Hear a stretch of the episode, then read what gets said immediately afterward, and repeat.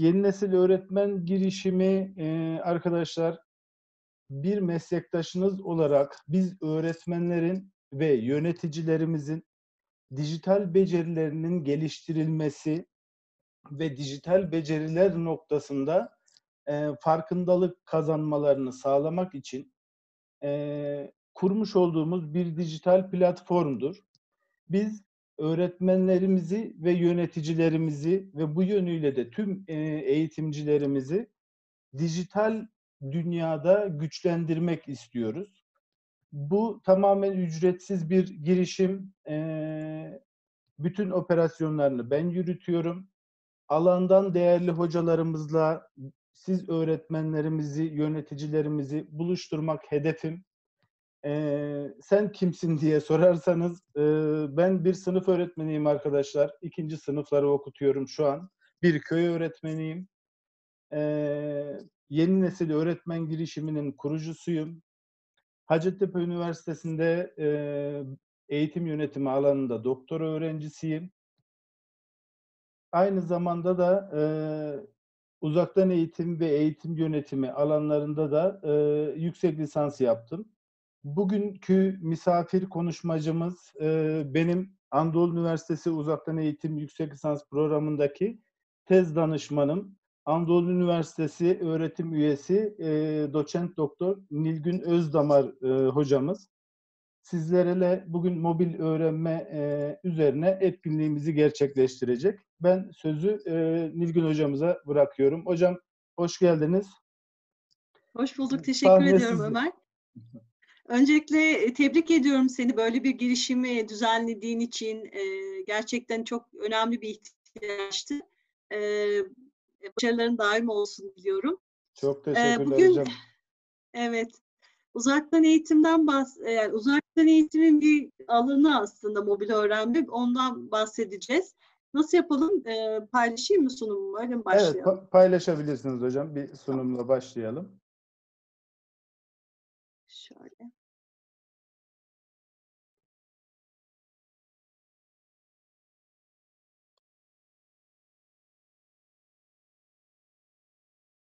E, teknik şeyler biraz zaman alıyor.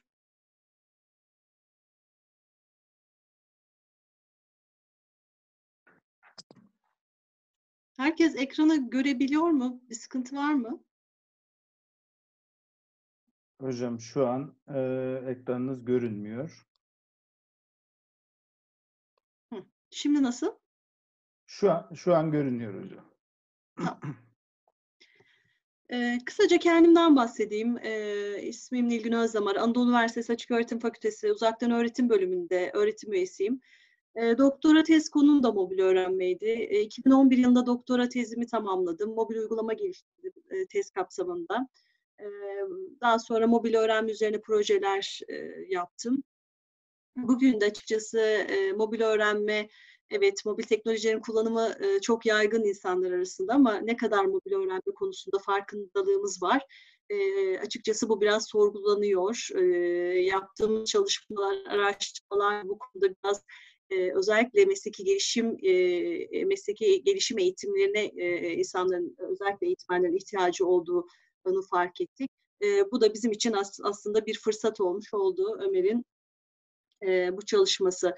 E, benimle ilgili e, linkler e, erişebilirsiniz. E, web sayfamda var. Açık öğretim sayfasından da erişebilirsiniz bilgilerime.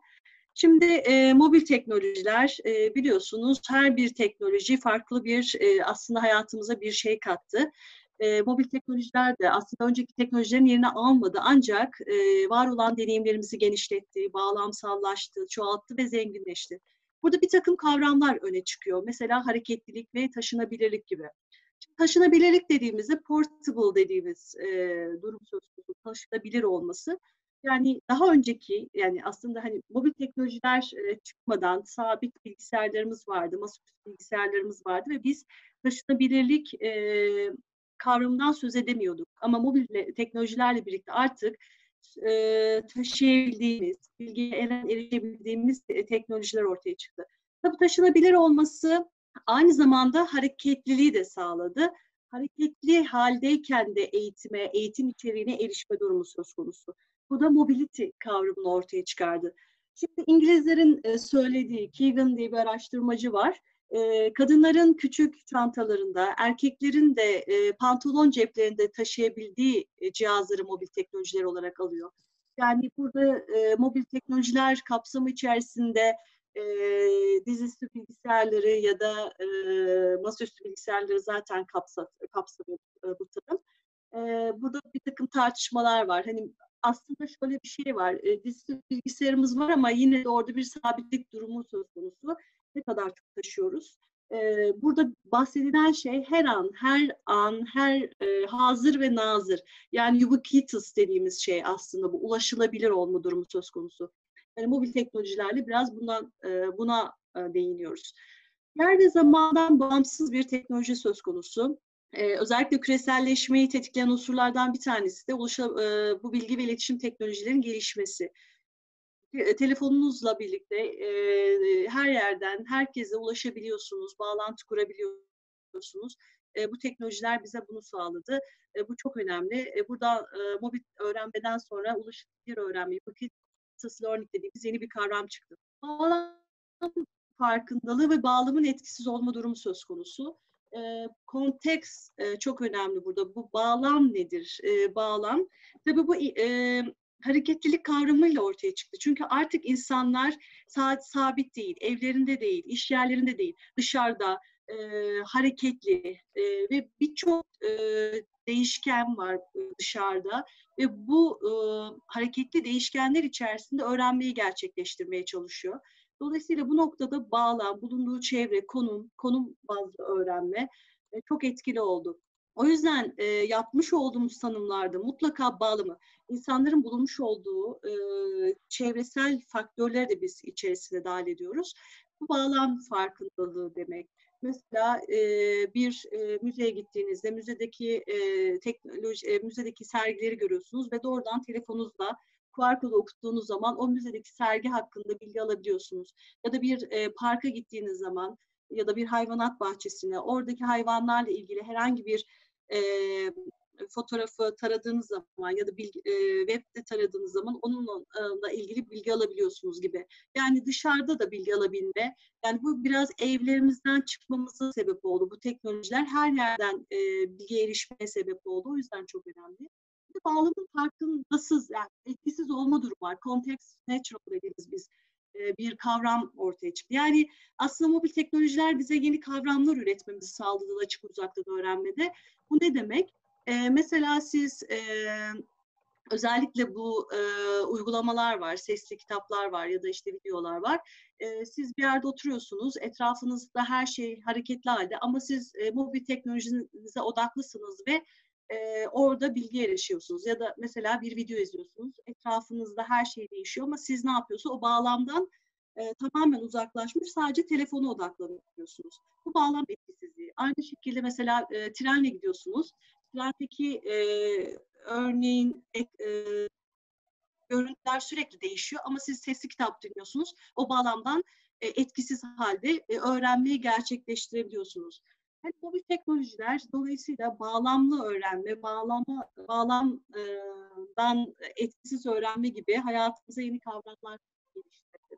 Bir de e, formal öğrenme durumu var. Yani özellikle ilk yapılan mobil e, projelerden bahsedeceğiz birazdan. İlk yapılan çalışmalar yani sınıf içerisinde bu teknolojilerin nasıl daha etkili kullanılabilir üzerineydi sınıf içerisinde öğrencilere telefon veriliyor ve telefon üzerinden aplikasyonlarda eğitim alıyorlar. Acaba bu etkili mi değil mi? Yani teknoloji, medya araştırmaları ilgili bu.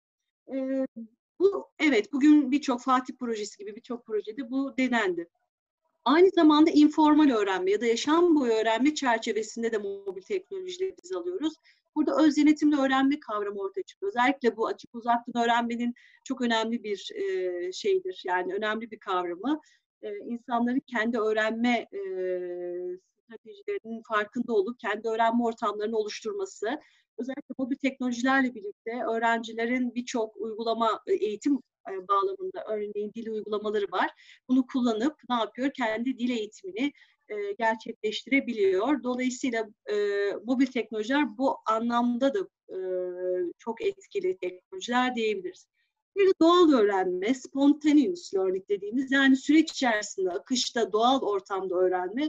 Siz bir e, yolda gidiyorsunuz, aklınıza bir şey takıldı. Hemen mobil telefonunuza bakıp öğrenebiliyorsunuz. Ya da e, bir çiçek gördünüz, o çiçeği tarayıp e, search ettiğinizde o çiçeğin familyasını öğrenebiliyorsunuz. E, ya da e, bulunduğunuz lokasyon bağlamında bir e, arttırılmış gerçeklik uygulamasıyla gerçek ve sanallık içerisinde bir etkileşim kurarak o ortamdaki değişkenleri, mesela ortamda bir restoranta gittiniz. Restorandaki diğer kullanıcıların atmış olduğu tweet mesajlarını ya da farklı mesajları bir uygulamaysa görebiliyorsunuz ve o ortamda neler paylaşıldığını fark edebiliyorsunuz. Bu da doğal öğrenmeyi de sağlıyor. Yani mobil teknolojiler gerçekten bize birçok yeni alanımıza ilişkin, özellikle açık uzaktan öğrenme alanına ilişkin çok farklı kavramlarla tanıştırdı diyebiliriz. Şimdi bu anlamda bizim Mark Sharpless, yani bizim alanımızın pirlerindendir. İngiltere'de kendisi daha öncesinde e, Nottingham Üniversitesi'ndeydi. Sonrasında İngiliz Açık Üniversitesi'ne geçti ve burada e, ilk mobil öğrenme projelerine dahil oldu. Ben de o dönemde hocamızın e, çalıştaylarına katılmıştım 10'lu yıllarda. Şimdi bu e, burada şunu söylüyor. E, mobil teknolojiler Evet, hiçbir teknoloji, e, biz mesela hep e, eğitim teknolojisi alanında şeyi tartışırız. Kozmo ve e, Clark'ın tartıştığı konular vardır. Teknoloji araç mıdır, amaç mıdır diye. Yani burada şey, evet teknolojiler, son teknolojilere sahip olmak, etkili öğrenme gerçekleşeceği anlamına gelmiyor. Evet, tabletlere de sahip olduk. Evet, ne kadar kullanabiliyoruz? Ya da e, en, en iyi akıllı telefonlara sahip birçok genç var. Ac- acaba bunu nasıl eğitim anlamında kullanabiliyor mu? Eğitim açısından kullanabiliyor mu? Açıkçası bu soru. soru. Evet, teknolojinin e, sahipliği önemli ama bunu etkili kullanmak daha önemli. E, bu noktada e, evet e, teknoloji sahipliği önemli bir e, unsur. Bir diğer unsur da şu, teknolojinin faydalarından yararlanabiliyor muyuz? Ne kadar yararlanabiliyoruz? E, bu hep tartışılır oldu. E, şimdi özellikle mobil teknolojiyle, bu hareketlilik kavramıyla açık uzaktan öğrenme alanında e, bir takım tartışmalar var. Acaba mobil öğrenme bir e, elektro, e, açık uzaktan öğrenme alanında değerlendirirsek elektronik öğrenmenin alt alanı mı? Yoksa yeni bir paradigma mı? Şimdi elektronik öğrenmenin alt alanında ne oluyor? İşte öğrenme yönetim sisteminin hem e, web üzerinden erişilmesi hem mobil üzerinden erişilmesi. Bu bir alt kolu gibi düşünülebiliyor. Yani insan birçok bir, araştırmacı başlarda bu şekilde tanımladı. Ancak e, biz yani e, ya da bizim benim e, takip ettiğim ekolde bir paradigma değişimi olarak tanımlanıyor, tanımlıyor bunu. Neden paradigma değişiyor? Çünkü e, hareketlilik kavramıyla insanlar artık e, bir e, farklı bir kültür oldu. E, insanlar artık çevre e, sabitlikten kurtuldu, e, hareketli e, ve dışarıda ve teknolojiyle iç içe. İnsanlara bakıyorsunuz bir kafede oturmuş, elinde telefon ve yüz yüze konuşmak yerine telefonla e, iletişim kurmayı tercih ediyorlar. Dolayısıyla bu da e, farklı tasarımlara, farklı bir bakışa gerektiriyor. Çünkü burada hareketli öğrenenler, sürekli değişken, geçişler olan bir tasarımdan söz ediyoruz. Bu da e, paradigma değişimi olduğunu ve öğrenmeden, öğrenmenin e, koşulları elektronik öğrenme, daha sabit bilgisayarlar üzerinden öğrenme gibi bir bakış var. Ama burada hareketli, geçişlerin hızlı olduğu, geçişken, esnek, e, farklı bir öğrenme e, süreci ve tasarımı söz konusu. Dolayısıyla biz bunu biraz daha paradigma olarak, yeni bir paradigma, yeni bir bakış açısı olarak tanımlıyoruz. Tabii ki elektronik öğrenmeyle bir ortak alanı var ama e, daha farklı bir bakışla mobil öğrenme tasarımını yapmak istiyoruz. Nasıl ki bugün yapılan eğitim, emergency remote teaching dediğimiz acil e, uzaktan öğretim ise, yani tam olarak açık ve uzaktan öğrenme değilse, elektronik öğrenme bakış açısıyla mobil öğrenmeyi tasarlamak da aynı bu bakış açısı gibi yani buna benziyor. Yani mobil öğrenmenin kendi dinamikleri var. Mobil öğrenmede farklı değişkenler var. Teknoloji değişiyor. Teknolojinin sunduğu imkanlar değişiyor. E, tasarım unsurları, kullanabilirlik şartları, değişkenleri değişiyor. Ve siz dışarıda e, birçok değişkenin içerisinde olan yani restoranda yemek yiyen bir insana eğitim amaçlıyorsunuz ya da işte dışarıda doğada gezen bir insana e, eğitim tasarlamaya çalışıyorsunuz ya da tamamen evde, okulda eğitmen e, eğitim almak isteyen öğrencilere eğitim tasarlıyorsunuz. Yani burada birçok değişken var ve bu değişkene yönelik uygulama geliştirmek gerekiyor. Biraz daha farklı bakmak gerekiyor mobil öğrenme için diyebiliriz. Şimdi geçelim. Ee, şimdi mobil öğrenmenin tanımı nasıl bilgisayarın e, Mesela ilk baktığımızda ben Bush demiş, Memex örneği makalesi var bilirsiniz. İnsan bilgisayar gelişim tarihçesinde çok önemlidir. E, aslında Bush e, bilgisayar kavramını, bu interconnected yani şey internet ağına bağlı bir bilgisayar kavramı yıllar önce aslında e, makalesinde belirtiyor ve makalesinde şey diyor. Öyle bir şey olsun bilgisayar sistemleri olsun ki ben internet ya yani ben internet demiyorum ama ben Türklerin okçuluk üzerine e, e, nasıl e, başarılı olduğunu, nasıl nasıl e, daha iyi yani okçuluk eğitimi alabileyim gibi böyle bir makalesinde de Türk ismi geçiyor. Bu açıdan da önemli. Okçuluğun e, çok önemli olduğunu, yani İngilizler bunu keşfetmiş burada başarılı Türklerin. E, bunun üzerine bir araştırma yapayım gibi bir, bir fikirle ortaya çıkıyor. İnsan bilgisayar etkileşim tarihçesi böyle.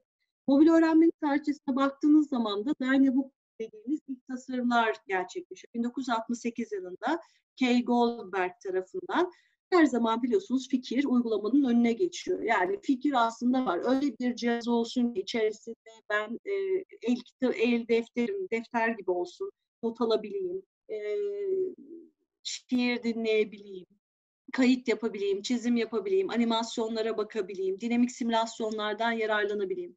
Ve biz mobil öğrenme tarihçesine derler. Hani mobil öğrenme yeni bir alan. 2010'lardan sonra özellikle herkes yeni bir alan olarak vurguladı ama mobil öğrenmenin tarihçesine baktığın zaman 70'lere dayanıyor. Yani aslında var. Yani tarihçesinde geçmiş bir tarihi var ama tabii bu teknolojilerin gelişmesi, öncelikle işte e, cep telefonları üzerinden SMS ile başlıyor ilk projeler. Özellikle İngilizler e, Afrika'daki e, Afrikan e, halklarına e, mesela e, sağlık eğitimleriyle başlıyor. AIDS'ten korunma yolları.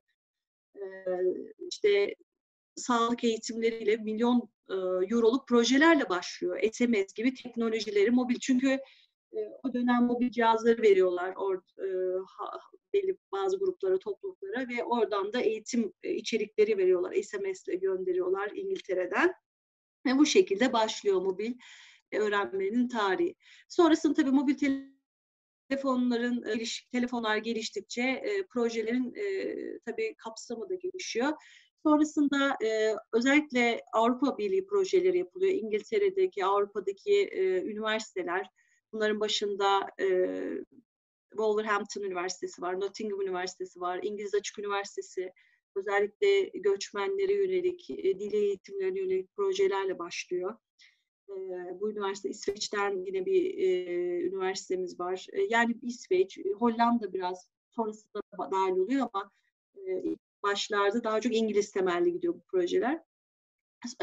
Bunlar 2000 yıllarda özellikle o dönemlerde PDA'leri görüyoruz. Personal Digital Assistant dediğimiz bu işte e, dijital asistanlar var ve insanlar e, bu e, PDA'ler üzerinden nasıl e, mail atılabilir, işte Word'de, Excel'de nasıl e, yazılım e, çalışmalar yapılabilir, paylaşılabilir. Böyle e, mobil teknolojilerin eğitim ortamı için kullanılması, eğitimde kullanılması üzerine başlıyor.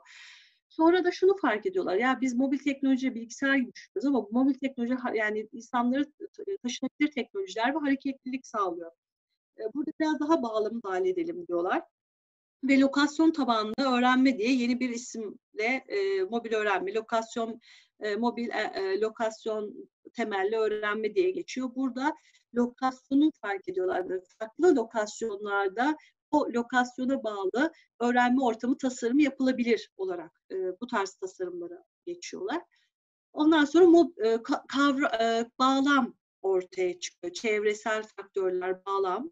E, sonra bağlamsal öğrenme, bağlamsal hareketli öğrenme kavramları ortaya çıkıyor. E, daha sonra bu e, Avrupalılar e, farklı üniversitelerle işbirlikleri kuruyorlar ve sonrasında bu Erasmus projeleri kapsamında e, bu yapmış olduğu projeleri yaygınlaştırmaları gerekiyor.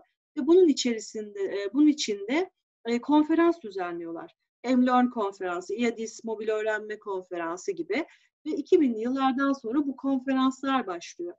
Burada e, workshoplar, seminerler düzenliyorlar ve mobil öğrenmenin böyle kısa bir e, 2000'lerin başından itibaren bu Avrupa Birliği projelerle destekli konferanslarla, seminerlerle bu alan gelişiyor. E, bu alan gelişirken tabi uygulama, yani bizim alanımız uygulama alan. Ne kadar evet açık uzaktan öğrenmenin e, disiplini, kuramsal temelleri var ama uygulama geliştirmek çok önemli. Çünkü uygulamayla birlikte siz keşfediyorsunuz birçok şeyi. E, sonra uygulamaları e, da e, orada sergileme şansınız oluyor. E, ve birçok da o, o alanda çalışan akademisyenlerle çalışabiliyorsunuz.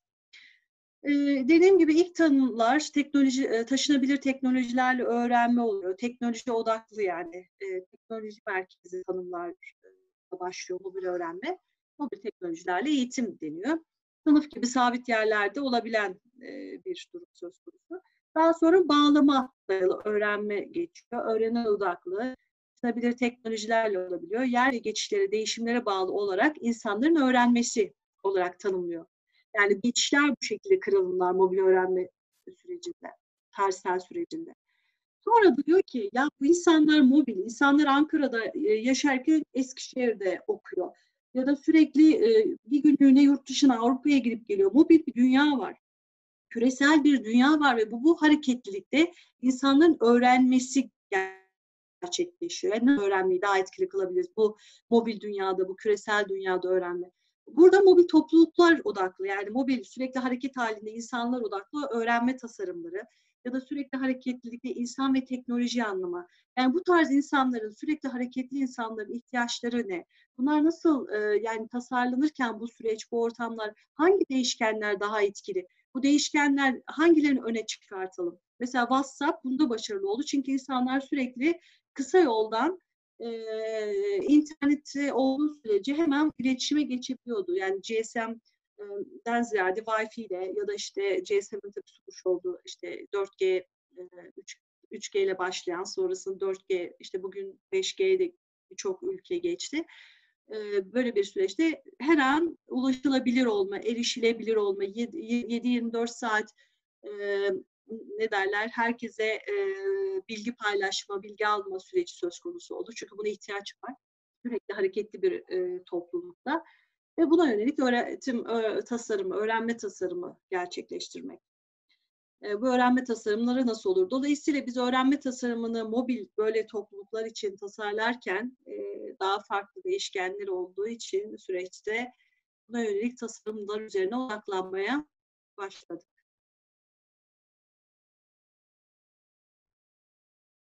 İşte günümüzdeki mobil cihazlar, PDA'ler artık eskisi kadar değil akıllı telefonlar şu an hemen herkesin elinde. Tabletleri de bunun içerisine alabiliriz. İşte öncesinde netbooklar vardı, 13'lik bilgisayarlar vardı ama şu anda çok popüler değil. E, kimileri dijital kameraları da çünkü internete bağlı kameralar da var. Direkt çektiğiniz fotoğrafı paylaşabiliyorsunuz. E, bunu da mobility, yani mobil teknolojiler içerisinde e, alabiliyor. Şimdi mobil öğrenme ve e, sınıfta yüz yüze eğitim, mobil öğrenme e, farklılıklar neler? Hani e, tabii sınıf içerisinde öğretmen merkezi bir eğitim söz konusu ama mobil öğrenme dediğimizde böyle bir şey yok. Daha çok öğrenenin ihtiyaçları odaklı bir durum söz konusu. Kullanıcı merkezli e, ve kişisel. E, yani herkes bilgisayarını paylaşabilir ama kimse telefonunu paylaşmaz. Dolayısıyla bu kişisel bir cihazdır ve kişisel cihaz e, bireyselleştirilmiş öğrenme ye çok uygun. Dolayısıyla mesela sınıfta öğrenme, formal öğrenme ne kadar kurumsalsa e, mobil öğrenme bireysel bir öğrenme durumu söz konusu. E, ağ tabanlı e, mobil öğrenmenin, e, mobil teknolojilerin özelliği her an ağa bağlısınız. Network learning dediğimiz bir durum söz konusu. Yani ağ tabanlı öğrenme. E, burada da ağ toplulukları var. Farklı e, topluluklara erişebiliyorsunuz bağlanabiliyorsunuz. Bu da başka bir şey. İşbirliğine açık oluyorsunuz. Yani siz telefonunuzla a bağlandığınız sürece bu şu sinyal demektir. Yani ben işbirliğine açığım. Her an ulaşılabilirim, erişilebilirim anlamına geliyor. Ama sınıf öğrenmede böyle bir durum söz konusu değil. Taşınabilir olması duruma göre, bağlama göre öğrenmenin gerçekleşmesini sağlıyor.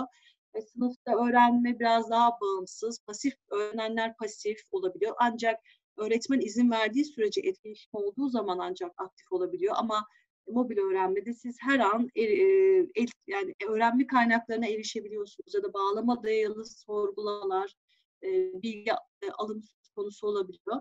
Hazır olma, her an ihtiyacınız olduğunda hazır bir teknoloji ve yaşam boyu öğrenme çerçevesinde hakikaten bugün baktığınız zaman e, yoga uygulamasından tutun da e, dil uygulamasına e, şu anda o kadar çok popüler oldu ki uygulamalar yani hakikaten kendiniz de bir de bunu mesela belli saatlerde o uygulama size uyarı veriyor ve e, direkt o uygulamaya bağlanıp öğrenmeyi sağlayabiliyorsunuz. Yani bilgi alışı yapabiliyorsunuz.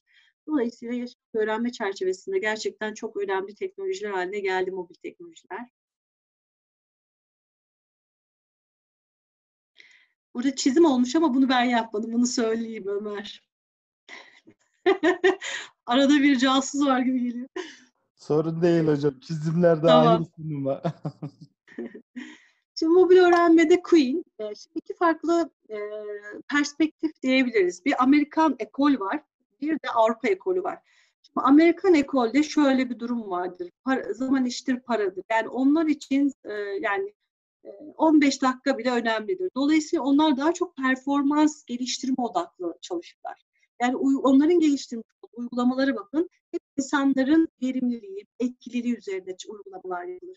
Yani mesela e, kendi kılavuzları, kılavuz yazmayı da çok iyi becerirler. Yani mesela bir cihaz hemen kılavuz, e, nasıl kullanım kılavuzları vardır. Uzun uzun yazılır. Aynı zamanda bu kullanım kılavuzları mutlaka ya uygulaması vardır ya web sayfası vardır. E, erişilebilir kılarlar. Çünkü insanlar para zaman demek, yani para iştir, zaman iştir para demek ve e, orada çok zaman hızlı akar ve e, dolayısıyla bu noktada e, bilgi alımı, tüketimi çok önemlidir ve bunun üzerine odaklanırlar. Özellikle mesela şirkete girerseniz Word, Excel kullanımına yönelik hemen o şirkete bir e, mesleki gelişim eğitimini mobil uygulamalar aracılığıyla hemen e, sisteme sokarlar. Yani biraz performans odaklı gider. Avrupa ekolü biraz daha kuram temelli, e, teori geliştirme, felsefe üzerine, biraz daha felsefik. Yani makaleleri okuduğunuz zaman iki farklı e, yaklaşım hemen hissedersiniz. Queen, e, Amerikan e, bir e, araştırmacı, e, perform, e, performans odaklı, yani insanların performansını geliştiren, özellikle öğrenme açısından e, teknolojiler olarak e, ele alır. Ama Traxler e, İngilizdir. İlk önce ama Traxler biraz daha mühendis kökenli bir hocadır ve daha çok avuç içi cihazlardan öğrenmenin gerçekleş, gerçekleşmesinin üzerine odaklanır ama sonraki tanımları biraz daha değişti. Ee, sonra İngiliz ekol yapmış olduğu projelerden şunu fark etti. Öğrenenin sabit ya da önceden belirlenmiş bir yerde olmadığı ya da mobil teknolojilerin sunduğu öğrenme fırsatlarından yararlandığı öğrenme yöntemidir olarak tanımladı. Çünkü burada sabitlik e, tamam olabilir ama e, bir de insanların daha önceden belirlenmediği yani her an her yerde olabilir bu insanlar. Ona dayalı öğrenmenin gerçekleşmesi durumu var. Burada biraz hareketlilik kavramı öne çıkıyor. Sonrasında yine yapılan projelerin değerlendirilmesi, alanda yapılan makalelerin analizinden sonra e, özellikle Sharpless bu alanda birçok proje geliştirmiş hocalardan bir tanesidir. Etkileşimli kişisel teknolojiler ve insanlar arasındaki çeşitli bağlamlarda gerçekleşen ve öğrenme ile sonuçlanan süreç olarak tanımladım mobil öğrenmeyi. Buradaki kavramlara baktığımız zaman etkileşimli teknolojiler, kişisel teknolojileri ön planda görüyoruz. Bir de çeşitli bağlamlarda yani o e, insanların hareketliliği, geçişleri, değişkenliği de söz konusu. E, bunu e, yani tanım e, yapmış olduğu projelerden elde ettiği veriler de e, dahilinde böyle bir tanım geliştiriyor. En sonunda Helen Crichton de yine bir İngiliz araştırmacı. Handbook of Mobil Öğrenmenin editörüdür kendisi. Yani mobil öğrenmenin el kitabı gibi tanımlayabiliriz. O da e, mobil öğrenme, kişisel elektronik cihazlar kullanarak içerik ve sosyal etkileşim aracılığıyla çeşitli bağlamlarda gerçekleşen öğrenme olarak tanımlıyor. Burada mesela Sharpless'ın tanımında sosyal etkileşim yok. E, daha çok cihaz e, insan etkileşimi söz konusu. E, Helen Crichton bir tık daha şey yapıp aynı zamanda bu öğrenenler diğer öğrenenlerle de etkileşim haline giriyor. İçerikle etkileşime giriyor, cihazla etkileşime giriyor. Dolayısıyla daha kapsamlı ve ayakları yere basan bir tanım gerçekleştiriyor. Evet, mobil öğrenme dediğimizde üç tür hareketlilikten bahsedebiliriz. Bir tanesi cihazın hareketliliği, daha önce söyledik. İkincisi insanın hareketli olması, yani insan da sürekli hareket halinde, sabit değil. Bir de içerik hareketli. İçerik sürekli dolanıyor. Sürekli içerik üretiyorsunuz. İçerik içeriklerle de etkileşimi durumu var.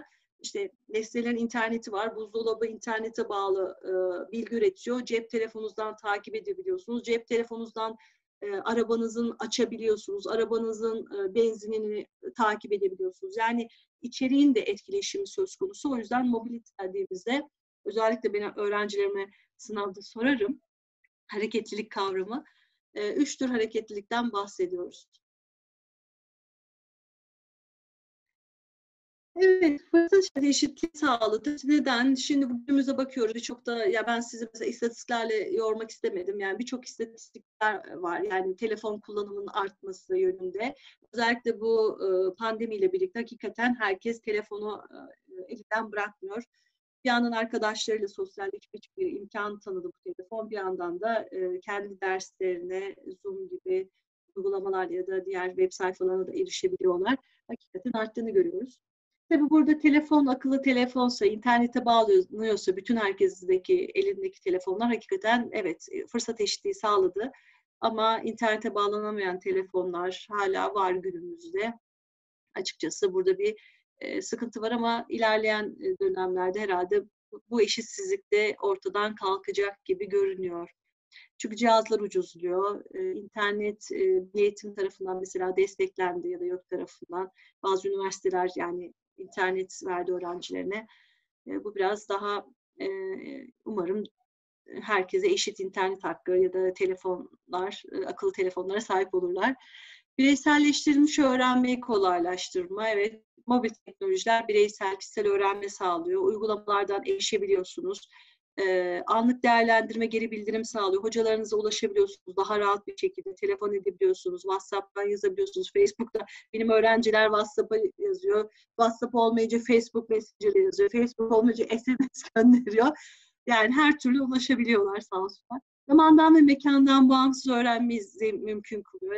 Yani bugün artık özellikle bu pandemiyle birlikte artık evlerimizde e, belki Amerika'daki bir şirkette e, ya da İngiltere'de bir şirkette çalışacağız. E, bu konferansları mobil telefonlar aracılığıyla yapacağız. Farklı yerlerde, farklı zamanlarda olacağız ve bu kırılım iyice gerçekleşmiş olacak. Yani mobil telefonlar açıkçası bu imkanları sağlıyor. Sınıf içinde zamanı etkili kullanma. Bugün mesela birçok özel okul tablet getirme durumu söz konusu. Ee, işte tablet üzerinden ne yapıyorlar? Dil eğitimi. Çünkü mesela Türk hoca ne kadar da İngilizce konuşsa aksanlı konuşabiliyor ama oradan netif bir hocanın o kelimeyi seslendirmesiyle tele, e, tablet üzerinden mesela e, daha rahat İngilizce öğrenebiliyorlar. E, sınıf içerisinde de mobil teknolojinin etkili kullanılmaya başlandığını gözlemliyoruz. E, yeni öğrenme toplulukları oluştur. Bugün mobil ağlar, e, mobil ağlar, mobil öğrenme, learning communities dediğimiz bir alan bu oluşturdu ve bunlar şöyle, sizin ırkınız, diliniz, dininizin bir önemi yok. Siz kendi hobileriniz, kendi bakış açınıza göre, kendi e, içinde rahat ettiğiniz, tanımadığınız halde bile e, kendinizi dediğim gibi çok rahat hissettiğiniz ortamları, öğrenme topluluklarına erişebiliyorsunuz artık. Dolayısıyla bu öğrenme toplulukları da işte farklı ülkelerden insanlar mesela öyle ortamlarda buluşuyor ve her an her yerden ulaşıyorsunuz. Onlara mail atıyorsunuz, mesaj yazıyorsunuz. Ee, bu çok e, ortaya çıkıyor. Özellikle günümüzün dijital öğrenme kurumu konnektivizmle birlikte bu bağlantıcılı bağlantıcı öğrenme diyoruz biz buna bu bağlantıcı öğrenme yaklaşımıyla birçok öğrenme kaynağı var. Bu öğrenme kaynaklarıyla etkileşim halindesiniz ve kendi öğrenme ortamınızı yaratıyorsunuz. Bir ekoloji bu. Yani bu ekoloji sanal ekoloji ve bu sanal ekoloji içerisinde insanın kendisinin kendi farkındalığını sağ, kendi fark eden bir ihtiyaçları doğrultusunda kendi öğrenme ekolojisini yaratıyor. E, bu da e, sizin o ekolojiye uygun benzer ekolojilere sahip öğrenenlerle bir araya gelme şansınızı yaratıyor. Ve bu öğrenme ortamları birçok aslında formal eğitimden daha etkili öğrenmeyi gerçekleştiriyor. Ya bugün mesela özellikle Z kuşağı, 2000 sonrası kuşak bu. E, özellikle e, büyüklerin biz önceden mesela biz e, Y kuşağıyız. Mesela bizim için hoca e, her şeyi bilendi. Onun bir dediğine iki eksik etmezdik. Yani o söylerdi ve onu söylediği doğruydu. Ama bugün nasıl? Öğretmen konuşuyor ama öğrenciler çünkü başka kaynakların da var olduğunu, öğrenme kaynaklarının da var olduğunu biliyor. Dolayısıyla burada öğretmenin rolü değişti. Öğretmen ne oldu? Mentor oldu, yönlendirici oldu. Öğrenci o öğrenme kaynaklarının nasıl daha etkili e, erişilebilir, e, hangi öğrenme kaynaklarına erişilebilir konusunda yol gösterici oldu. Burada ne diyoruz? Öğrenci merkezli öğrenme. Çünkü artık bilginin teki, yani bilgi her yerde ve daha sürekli değişiyor bile güncelleniyor. Dolayısıyla hani öğretmenin rolü değişmek zorunda. Bir de e, şu anki öğrenciler kendi akranlarından daha hızlı öğreniyor. E, çünkü onların söyledikleri, onların yaptıkları daha etkili oluyor. Aralarında bir Instagram'dan kaynaklı, hani o da çok etkiledi bu Instagram'dır. Herkes ya da benim kaç like'ım var, onun kaç like var. Sürekli böyle bir yarış hali, sürekli bir e, başkaları ne yaptı, kendi arkadaşları çerçevesinde böyle bir şey yapma hali var. Dolayısıyla kendi öğrenme toplulukları arasında yani o akranlar açısından düşünce aslında öğretmen bunu yaratmalı ve bunun üzerinden eğitimler, öğrenme kaynakları paylaşarak onlara proje geliştirme, tasarım geliştirme ya da fikir tartışmaları yapma, beyin fırtınaları yapma gibi farklı yöntemler kullanmalı. Çünkü çağ bunu gerektiriyor ve biz yetişkin eğitimci, yetişkinler olarak da bu öğrenme topluluklarına katılmamız gerekiyor. Bu nasıl oluyor? Mesela mobil öğrenme üzerine birçok topluluk var. Yapay zeka üzerine topluluklar. Facebook grubuna bile girdiğiniz anda giriyorsunuz yapay zeka diye birçok topluluğa dahil oluyorsunuz. Onların mesela son güncel yapmış olduğu projeleri dahil olabiliyorsunuz, alabiliyorsunuz. İşte kendi alanınızla ilgili hemen bir komünite dahil olun ve son güncel çıkan yayınları direkt hocanın e, anında paylaştığı makaleyi e, siz erişebiliyorsunuz. Bu önceden zordu. Yani kütüphaneye giderdik ya da o dergi üye olmak gerekirdi e, üniversitenin. O şekilde erişim söz konusu. Ama bugün öyle değil. Hoca hemen paylaşıyor mesela. Durum öğrenmeyi destekleme yani o çevresel bağlamında öğrenmeyi gerçekleştiriyor. Bir de Seamless diye bir şey çıktı. Bizim alanda şöyle tarihçeye baktığımız zaman mobil öğrenme, e, mobil teknolojilerde öğrenme, sonra ulaşılabilir öğrenme dediğimiz ubiquitous learning yani e, mobil teknolojinin bir tık ilerisi, mobil, web, bilgisayar e, bağlı öğrenme. Bir de seamless dediğimiz artık e, cihazların da e, içinde olduğu, işte bugün kesinti uğramadan, yani işte mesela Mesela telefonunuzda bir video izliyordunuz, eve geldiğinizde hemen akıllı e, TV açıldı ve akıllı TV'den o e, videoyu izlemeye devam ediyorsunuz. Sonra mutfağa geliyorsunuz, mutfağınızın ana ekranında e, dokunmatik bir ekran ve o videoyu devam ettiriyor. E, görüntü aktarılıyor bu e, sistemde. Mesela annenizle konuşuyorsunuz, bakmışsınız, mutfağa geldiniz, mutfaktaki ana ekrana, mutfak masasına mesela görüntü aktarılabiliyor. Yani o hiçbir zaman kesinti uğramıyor ve teknolojiler, bu son çıkan yeni teknolojiler, akıllı evler, akıllı sistemler ki bu Amerika'da, Florida eyaletinde bu tarz evler yapılmış. Yani sizin e, mesela aldığınız kalorinin hesabı, e, işte yürüyüş bandında ne kadar koştuğunuz, e, yani idrarınızın analizine kadar size sunuyor ve sizin o günlük içerisinde ne kadar kalori aldınız, ne kadar almanız gerekiyor, ne kadar kilo vermeniz gerekiyor ya da hangi proteinlere, vitaminlere ağırlık vermeniz gerekiyor gibi her detayı sunuyor size. bu tarz artık teknolojiler bu da tabii öğrenme açısından baktığınızda da kesintisiz öğrenme, seamless öğrenme gibi yeni kavramları ortaya çıkartıyor. Dediğim gibi nesneler de bilgi üreten e, olduğu için işte bak, e, buzdolabı, araba, e, artık mesela kol saati, akıllı saatler, ayakkabınızdaki bağcık bunların hepsinin e, bağlantılı olduğunu mesela siz e, Apple e, iCloud hesabınız varsa tabletten, telefondan, bilgisayardan iCloud hesabında e, birçok e, datayı alabiliyorsunuz kendiniz kullanımınıza ilişkin bilgisayara ya da uygulamaları gibi. Böyle bir durum söz konusu açıkçası. E, formal ve informal öğrenme arasında köprü var. E, dediğim gibi yani formal yani sınıf içerisinde de sınıf dışında o e, mesela ASEK şu anda mesela YouTube kayıt olacak ve sonra insanlar bunu izleyebilecek. ya da e, YouTube'dan karşı yani canlı olarak şu anda bir aradayız.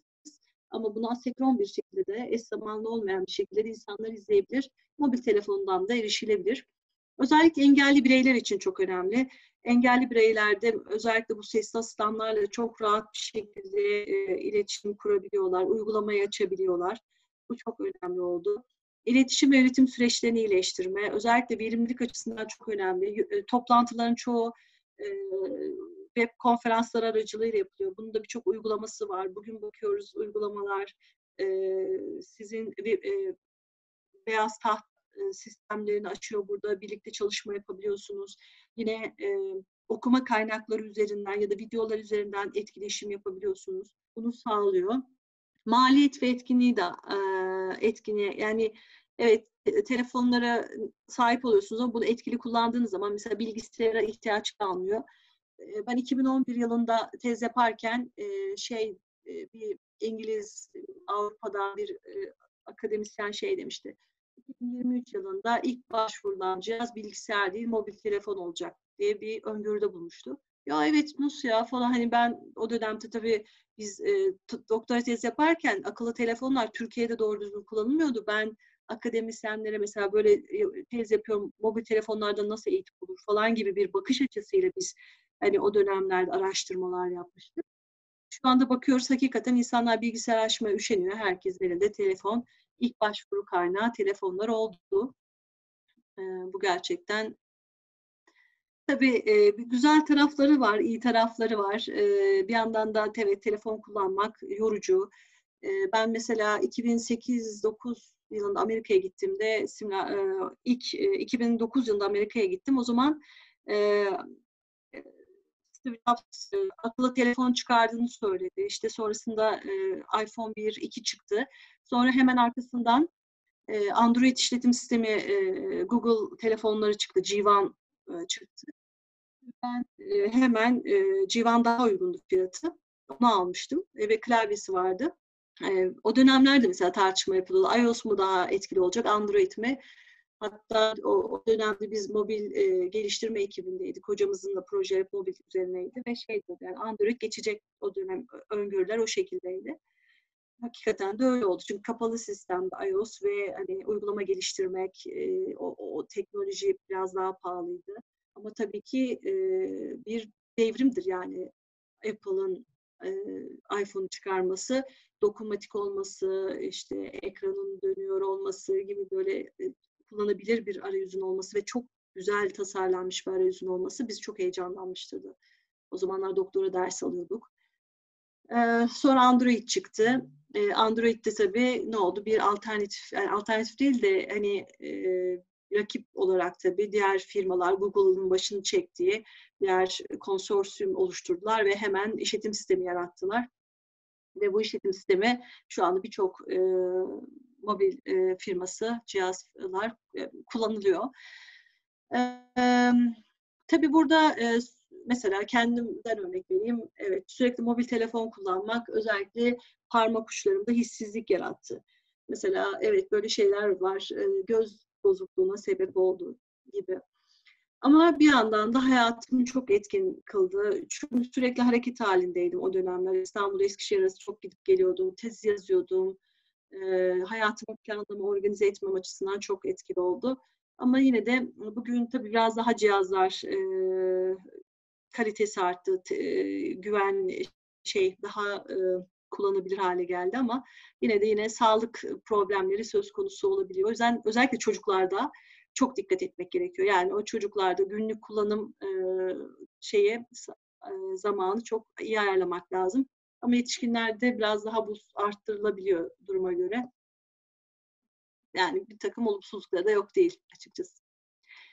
E, pedagojik güçlükler demişiz ama bugün mobil öğrenme e, kuramsal temelleri oldu. Yani e, açık uzaktan öğrenmenin etkileşimsel teori, transaksiyonel teori, aktivite teori bunlar bizim alanın teorileri, birçok teori var ve uyu, yani mobil öğrenmede de kullanabiliyoruz. Öğrenme kuramları da var yine davranışçı, fiziksel, yapılandırmacı.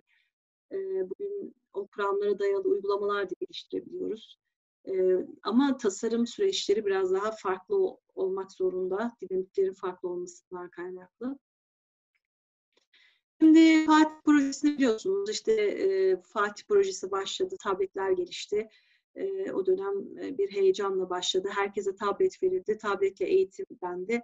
E, ama bu sadece Türkiye'de değil, Güney Kore'de başladı, Avustralya'da, Finlandiya'da, Japonya'da, Singapur'da, Amerika'da da yine yapıldı. Yani tabletler verip tabletler üzerinde eğitim. E, Güney Kore'de evet bu 7 yıl sürdü. E, şu anlaşıldı aslında bütün bu e, projelerden. Yani insanların eline tablet vermek değil. Yani içeriğin çok önemli olduğu, içerik tasarımlarının çok önemli olduğu. E, mesela öğretmenin hazır bulunuşlu, öğretmen bu tableti, akıllı e, tahtayı kullanabiliyor mu? Birçok öğretmen bu konuda zayıf kaldı. İçerikler e, mobile uyumlu olmadı. Mobile e, uyumlu olmayan içerikler sonrasında geliştirmeye odaklanıldı. E, bunun için de ayrı bir zaman. Yani öncesinde içeriklerin oluşturulması, öğretmenlere bir mesleki gelişim eğitimleri verilseydi bu anlamda çok daha etkili olabilirdi ama yine de yapılan alt yatırım yani e, alt e, yatırımlar şu anda hakikaten e, mesela bu EBA bu sürecin biraz daha e, geçiş açısından Türkiye'yi kolaylaştırdı diyebiliriz. Yani bazı yatırımlar o dönemde yapılan yatırımların şu anda faydasını görüyoruz diyebilirim.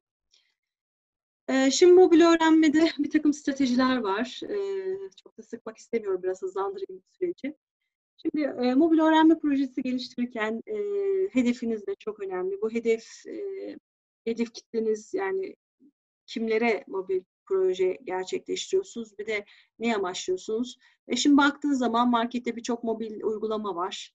Yani bu mobil uygulamalardan farklı olarak ne yaratmanız gerekiyor? Yani e, farklılık yaratmalısınız, özgünlük kılmalısınız, özgün bir e, uygulama yaratmalısınız ki fark yaratırsınız. O yüzden hedefiniz çok belirgin ve öne, e, ihtiyacı karşılamalı. Burada biraz temel mesela WhatsApp çok basit bir ihtiyacı karşıladı.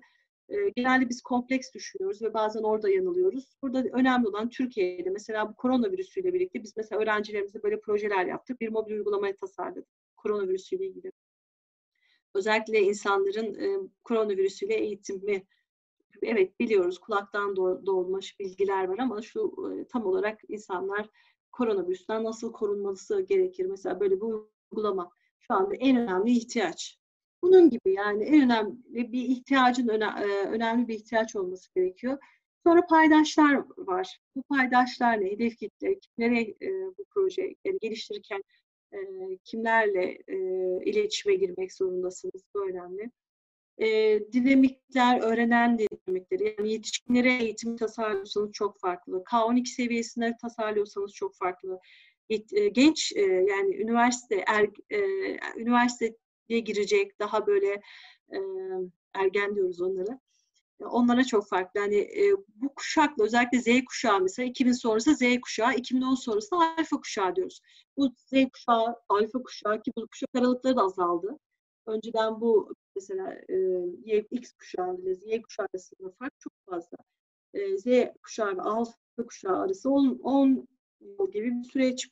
E, şimdi bunlar daha çok azalıyor. Çünkü dinamikler değişiyor, teknolojiler değişiyor. Onlar şu an alfa kuşağı tamamen her şeyi dokunmatik algılıyor. Dolayısıyla onlara yönelik eğitim yapmak zorundayız. Bütün onların özelliklerini anlamamız gerekiyor. Bununla ilgili araştırmalar, araştırmaları okumalıyız ya da onlarla görüşmeler, odak grup görüşmeler yapılmalı ya da doğrudan gözlemlenmeli. Onların onlarla beraber çalışan öğretmenlerle görüşülmeli, ailelerle görüşülmeli eğer onlara yönelik çalışma yapılacaksa. E, mobil altyapı da çok yani önemli. Yani interneti olmayan bir köyde siz akıllı telefon uygulamayı hani video tabanlı bir uygulama yaparsanız olmaz yani. Hani burada da ona dikkat etmek gerekiyor. Her ne kadar teknolojiyi desek de dediğim gibi birçok topluluğun yani küçük grupların telefonu olmayabiliyor. Ya da en azından mesela tableti varsa da bilgisayarı varsa arkadaşı şey ebeveynlerle paylaşmak zorunda kalabiliyor. Ee, öğrenme dinamikleri de çok önemli. Yani e, işte bu mesela hangi öğrenme kuramları bağlamında yapılacak bu çalışmalar? E, mesela geri bildirimleri çok mu olacak? Etkileşime dayalı mı olacak? Daha bilişsel. Mesela biz şöyle anlatayım. E, akademisyenler örnek bir mobil uygulama yaptığımızda akademisyenler etkileşimi çok istemediler. Yani e, daha çok bireysel öğrenme, kendi öğrenme e, ihtiyaçları performans geliştirme odaklı. Ama e, üniversite öğrencilerine bir uygulama yaptığımızda onlar da tam tersi etkileşim çok istediler. Dolayısıyla hep etkileşim araçları olmak zorunda kaldı.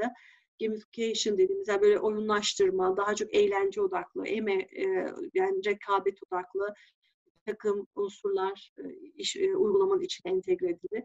Dolayısıyla bu hedef kitle çok önemli oluyor. Yani siz uygulamayı tasarlarken. E, güvenlik de bu noktada önemli. Bilgileri alacak mısınız? E, güvenlik ne kadar izin veriliyor? Sonuçta siz uygulama yaptığınızda mesela ses kaydı açabiliyorsunuz. Eğer servis tabanlı bir uygulama yapacaksanız mesela Hey Siri dediğim zaman açılıyor ya açılıyor mesela.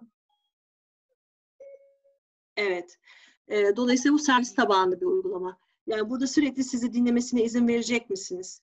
E, bu noktada e, orada güvenlik durumu söz konusu. E, uygulamada mutlaka o güvenlik izinlerini almanız gerekiyor. Nereye ne kadar e, izin yani e, bilgi alacaksınız? İşte, göz, e, mesela şu anki teknolojiler e, birçok veriyi de kullanıyor. Biyometri, biyometrik verileri. E, bunları ne kadar kullanacaksınız ya da kullanmanız gerekiyor mu? İçerik tasarımı çok önemli. E, şimdi e, Özellikle mobil telefonların ekranları küçük. Yani siz doğrudan bilgi, metni, uzun metinler verirseniz mobilde böyle bir şey çalışmaz. Dolayısıyla biz byte size dediğimiz ya da hap bilgi dediğimiz tarz bir tasarımlar olması gerekiyor. Çünkü insanlar Facebook'ta da göz izleme araştırmaları yapılmış. İnsanlar Facebook'taki yazıları okumuyor ama görselleri bakıyor. Yani uz, Facebook'ta uzun e, bir metin yazar, bütün duygularınızı oraya aktarırsanız herkes okuduğunu düşünürsünüz ama kimse okumuyor. Bu kadar bir akıyor ki. Ama bir görsel koyar altına da içine ya da görsel entegre edilmiş bir metin yazarsanız işte ona insanlar bakıyor. Özellikle bu Z kuşağı görsel öğrenen bir kuşak. Dolayısıyla mümkün olduğunca iyi tasarlanmış ama burada çok önemli, iyi tasarlanmış görseller olmalı.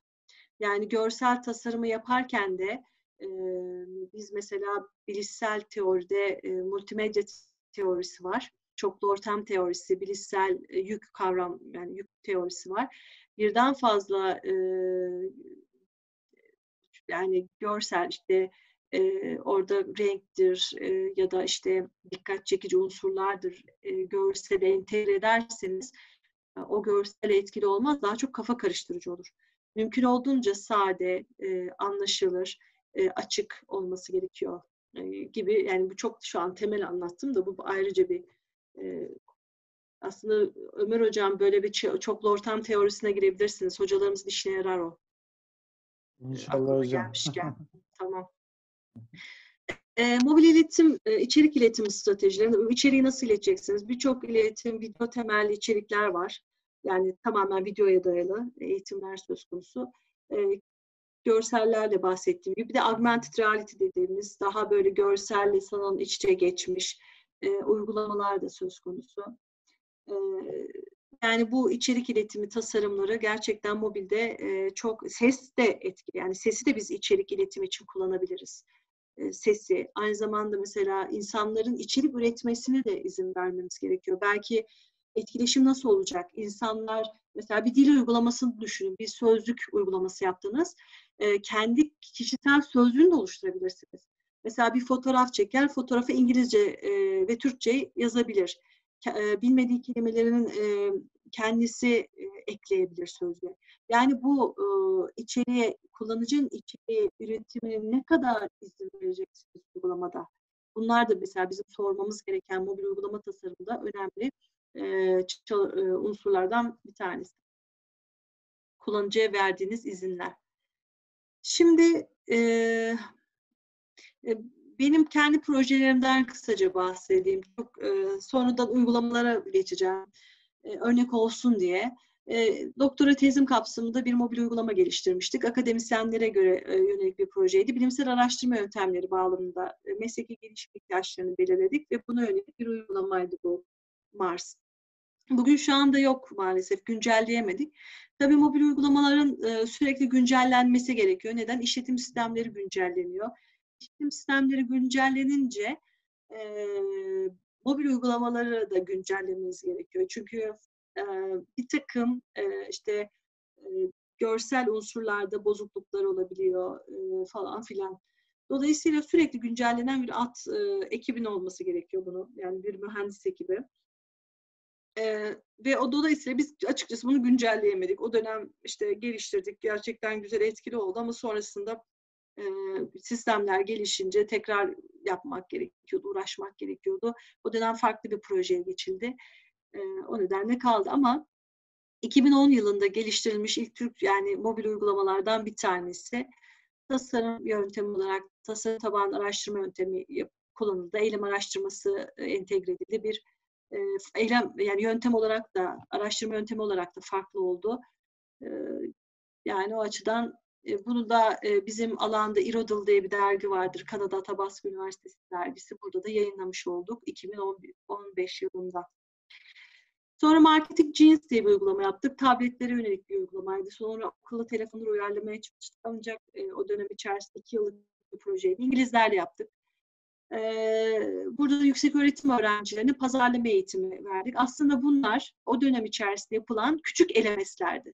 Yani mobil LMS çalışmaları diyebiliriz. Yani mobil LMS altyapıları diyebiliriz.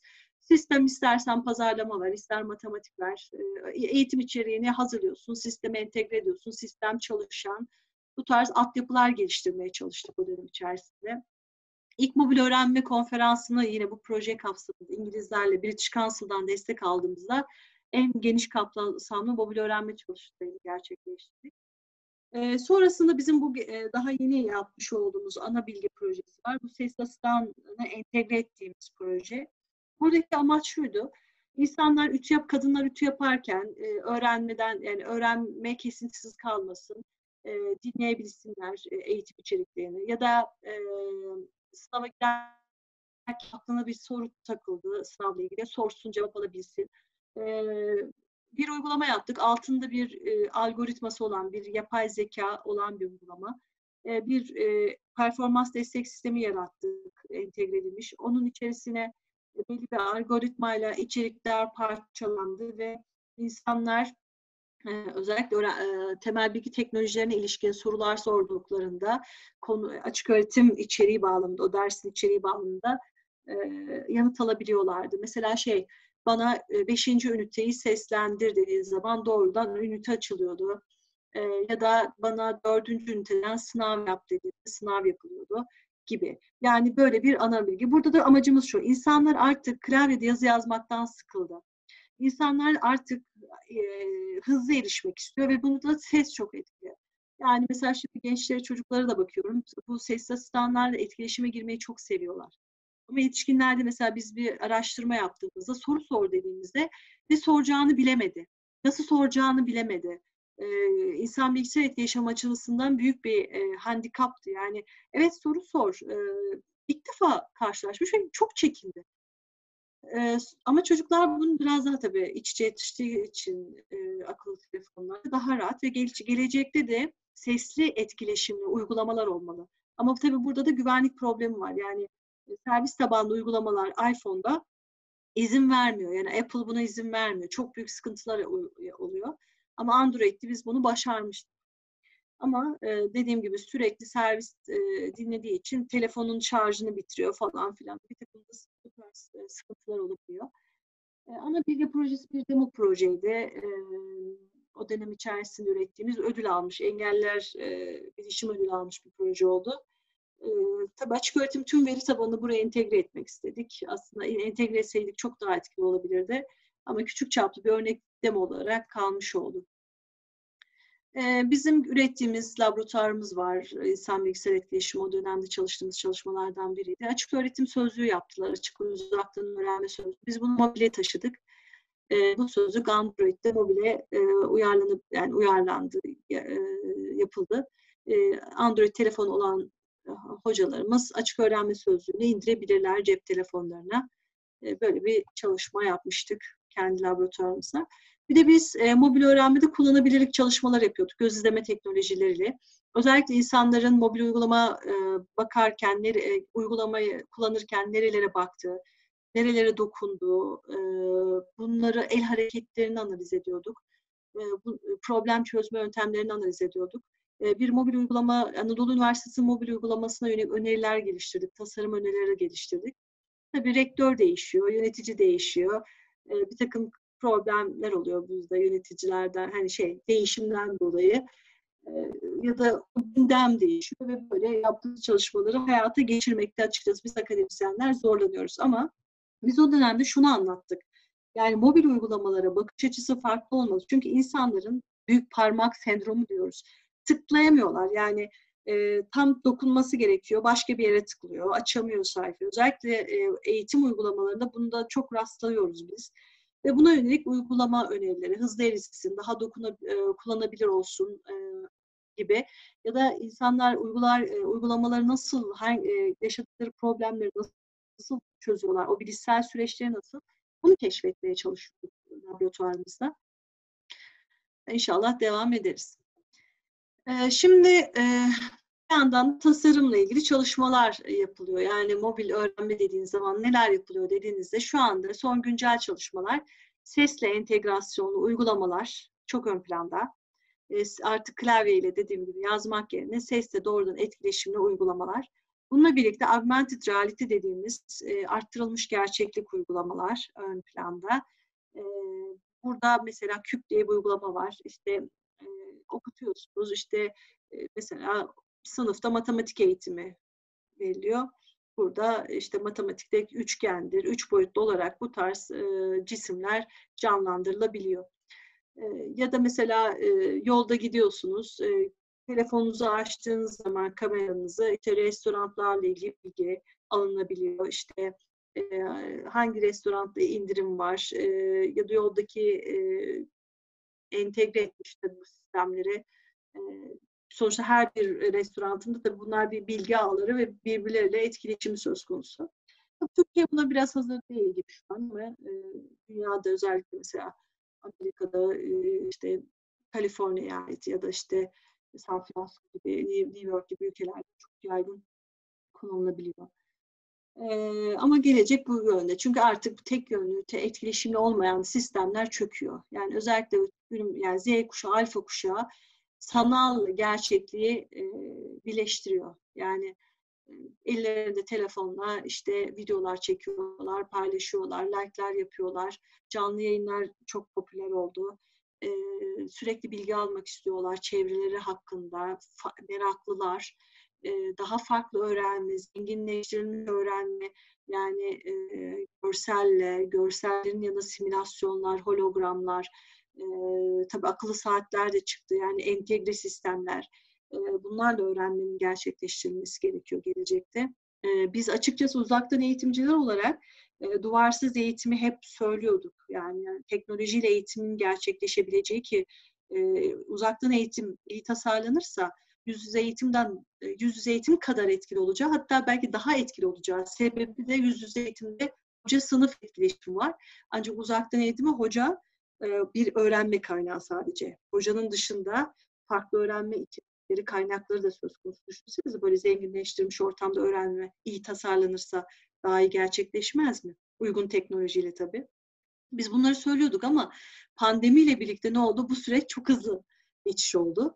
Açıkçası bir e, yani bu kadar hızlı olacağını bize tahmin etmiyorduk. Onu da söyleyeyim. Ama şu anda açık uzaktan öğrenme altın çağını yaşıyor. Yani şu anda deneyimler, herkesin yaşadığı deneyimler, kullanılan ortamlar, araçlar, bunlara ilişkin deneyimler, farkındalıklar. En azından herkes açık uzaktan öğrenmeyi fark etti. Biz artık alanımızı anlatırken çok anlaşılmıyordu öncesinde ama şu anda herkes biliyor. Bu bizim için çok güzel bir şey. Yani biz çok iyi yerdeyiz alan olarak.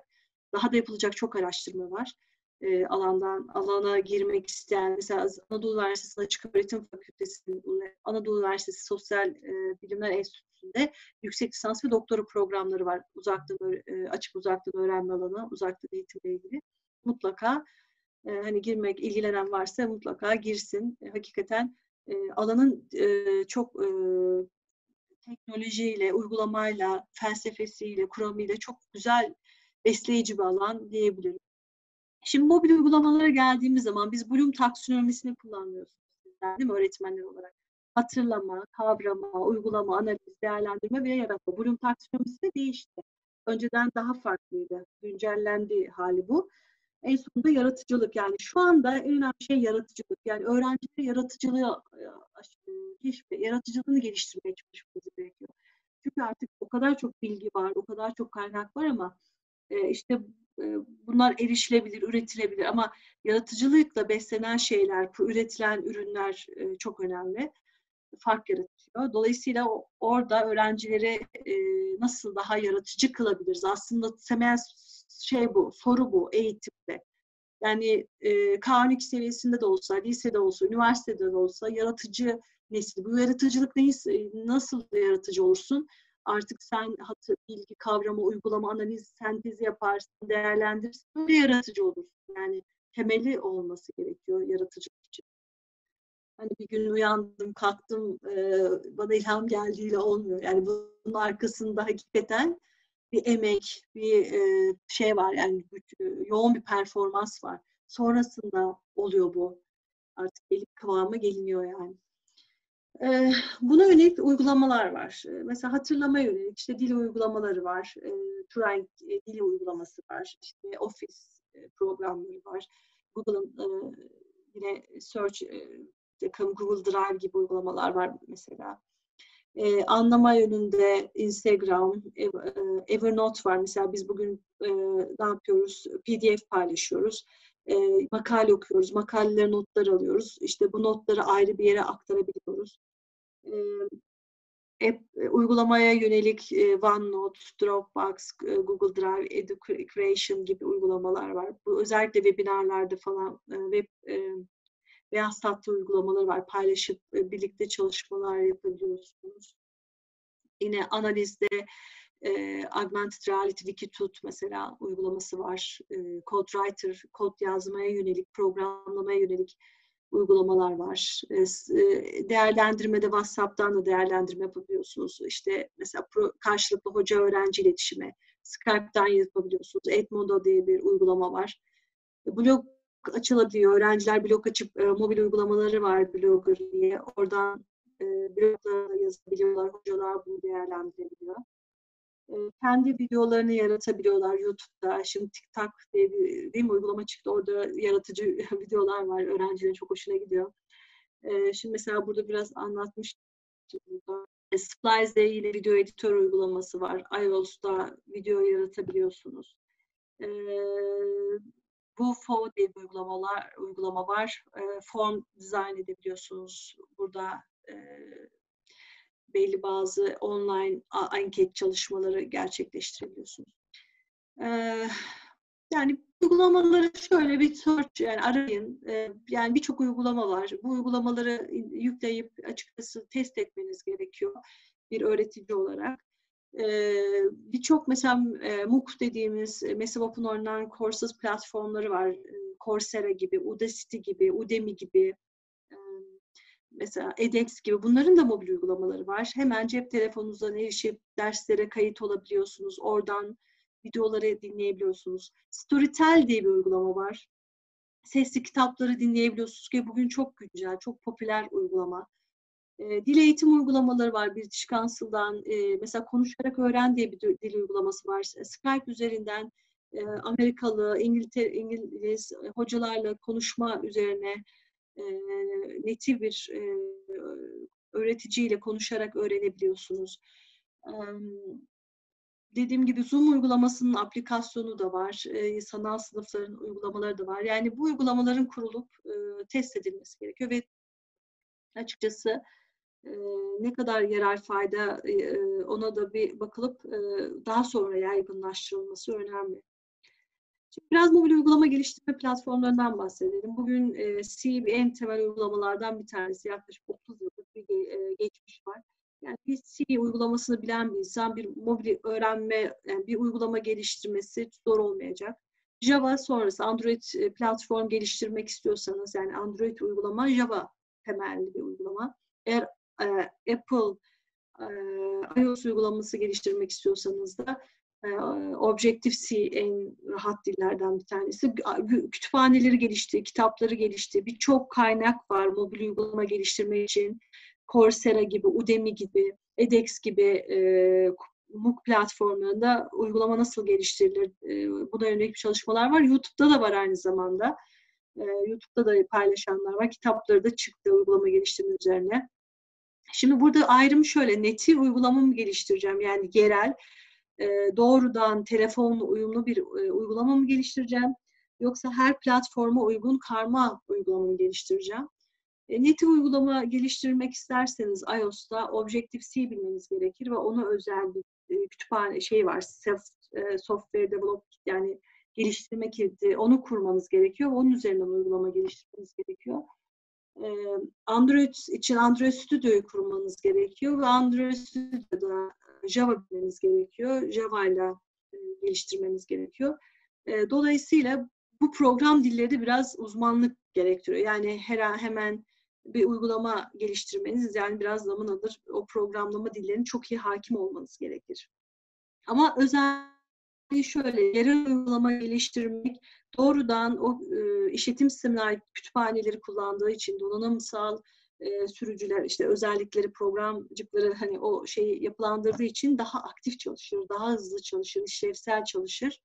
Ama karma hibrit e, uygulamalar e, o telefona özgü olmadığı için platform işte iOS mesela özgü olmayınca daha yavaş çalışır. E, ama Karma'da da siz ne yaparsınız? Bir mobil uygulama geliştirirsiniz ama her platformda çalışabilir. Karma platform için jQuery mobil dediğimiz bir uygulama var. E, Titanium e, diye bir platform var. Bunlar hep e, karma yani hem iOS'ta çalışacak hem Android'de çalışacak e, çoğu uygulama e, uygulama geliştiriciler için e, daha kolay diyelim. Orada çünkü kodlama işte şeyleri var, e, arayüzler test edebiliyorsunuz. Cordova var. Bakalım Ionic var, e, SendTouch var, App Inventor var. Mesela şu anda App Inventor çok popüler. Özellikle ben e, gençlere onu öneririm. MIT ve Google tarafından ücretsiz mobil uygulama geliştirmek için tasarlanmış bir sistem. Videoları da var, geliştirebiliyorsunuz. Oyunlar geliştirmek isterseniz, mobil oyun ya da bir mobil uygulama geliştirmeye nasıl e, başlanır? E, ben uygulama geliştirmek istiyorum derseniz App Inventor'ı tercih edin. Çünkü App Inventor doğrudan e, şey web üzerinden gerçekleştirebiliyorsunuz. Yani bilgisayarınıza kurmadan direkt e, uygulama geliştirmek için internet tabanlı bir e, platform. Yani e, ben özellikle mesela ortaokul öğrencileri, belki lise öğrencileri App Inventor ile çok rahat uygulamada geliştirebilir, oyun geliştirebilir. E, bu şekilde yani mobil öğrenme dediğimiz zaman tabii mobil teknolojilerin özelliklerini bilmemiz gerekiyor. Mobil uygulama platformlarının özelliklerini yani şimdi tek tek derslerimizde biz anlatıyoruz uzaktan eğitim, yüksek lisans derslerinde tasarımsal şeyler de var, detaylar da var. Nasıl tasarlanır menüler, bütün bu araçlar. Bunları da bilmek gerekiyor. Tabii öğrenen dinamikleri, öğrenme ihtiyaç belirleme, yine aynı zamanda o research araştırma tarafı da çok önemli. Biz zaten tasarım tabanlı araştırma tekniği kullanıyoruz. Tasarım, teori, kuram ve teknoloji bunun köprü olması gerekiyor yani. Bu e, üç ayağın tam oturmuş olması gerekiyor bir mobil öğrenme uygulaması geliştirirken. Bunların her birini zaten e, sorguluyoruz ve sürekli geliştiriyoruz. Esnek bir yapı. Yani benim uygulamam bitti değil. Veri topluyoruz, analiz ediyoruz. Tekrar uygulamayı güncellemek zorunda kalıyoruz. Çünkü ihtiyaçlar değişiyor, teknoloji değişiyor ya da e, bazı dinamikler de değişiyor. Mesela yönetim yönetici değişiyor, farklı bir vizyonla geliyor. Ona yönelik bir proje, daha farklı bir uygulama geliştirmek gerekebiliyor gibi.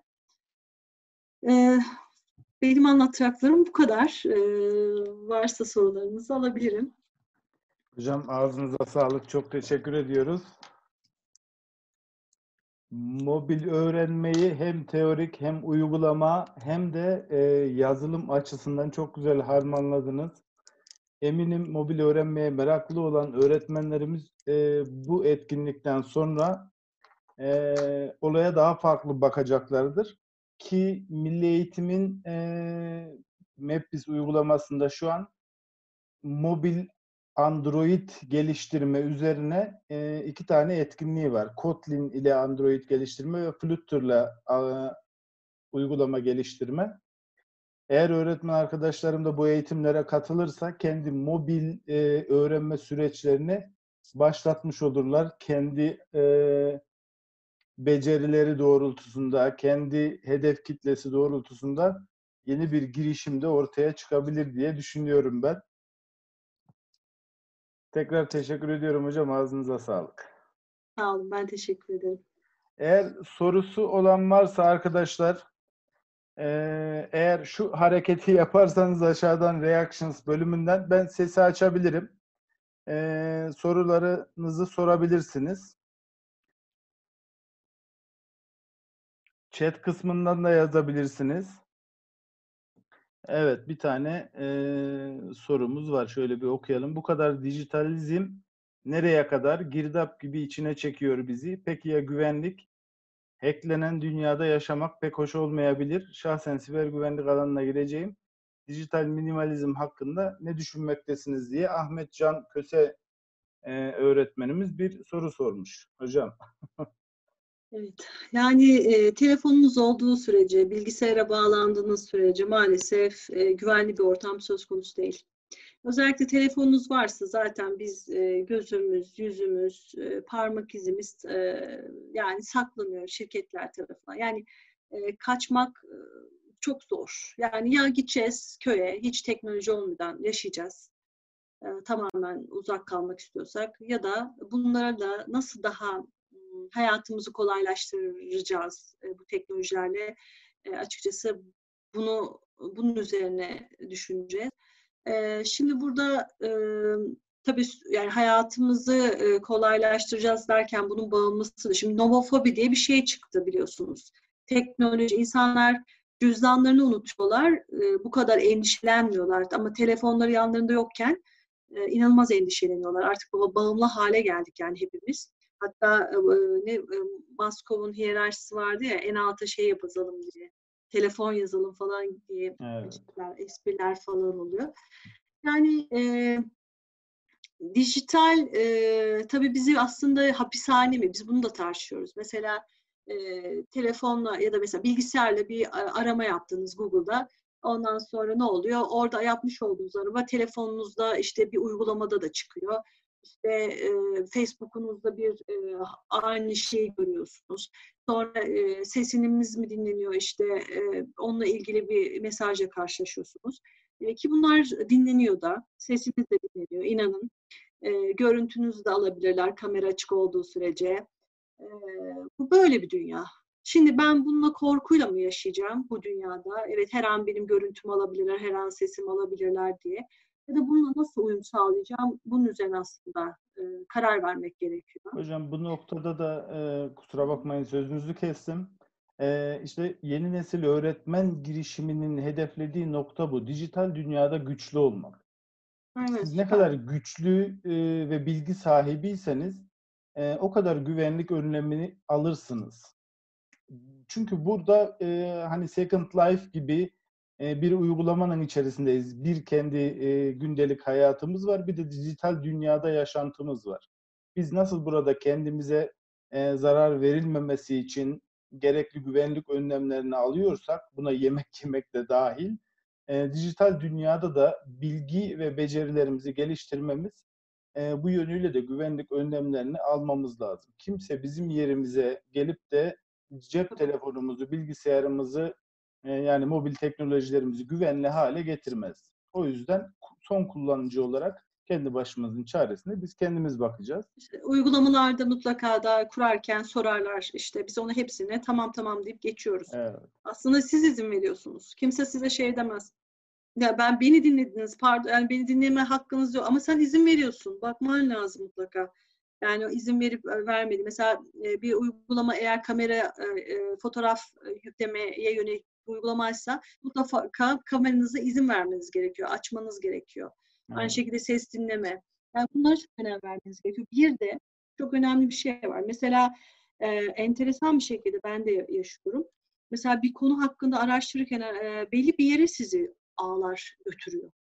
E, burada biraz eleştirel e, yani biraz okur yazarlık, biraz daha böyle e, tabii e, ne derler e, mobil öğren mobil bilgi okur yazarlığı diyoruz biz bu kavram olarak yüksek lisans öğrenci bu konuda benim tez yazdı. Mobil bilgi okur yazar dedi. Şimdi şöyle siz telefonunuzla ya da e, bir arama yaptığınız zaman hep e, benzer şeyler karşılaşmaya başlıyorsunuz. Sizi belli bir yere şey yapıyor. Ama o konuyla ilgili biliyorsun yani o konuyla ilgili başka şeyler de yapılmış olabilir. Başka çalışmalar da yapılmış olabilir. Bunu fark etmiyorsunuz. Bunun için farklı yöntemler var. Tarayıcınızı değiştirin. Yani Google Chrome'da e, arama yapıyorsanız, Google, pardon, Google'da tabii yapıyorsanız arama motoru Google'sa Yandex arama motorunu kullanın. İnanın aynı şeyi aradığınızda Yandex arama motorunda farklı, Google arama motorunda çok farklı çıkacak. Yani tek bir arama motoru kullanıyorsanız bir de şu an zindana doğru sürükleniyor bile olabiliyorsunuz. Yani bu noktada böyle farklı arama motorları, farklı tarayıcılar kullanmak ee, ya da işte e, bu noktada mesela e, ha ben belli mesela hemen karşınıza benzer mesajlar çıkmaya başlar. E, hemen bunu fark etmek. Belki tekrar reset atmak, silmek geçmiş e, şeyleri e, derler bir girdiğiniz e, cache diyoruz ne diyoruz Ömer? Çerezleri. Çerezleri diyoruz. aynen.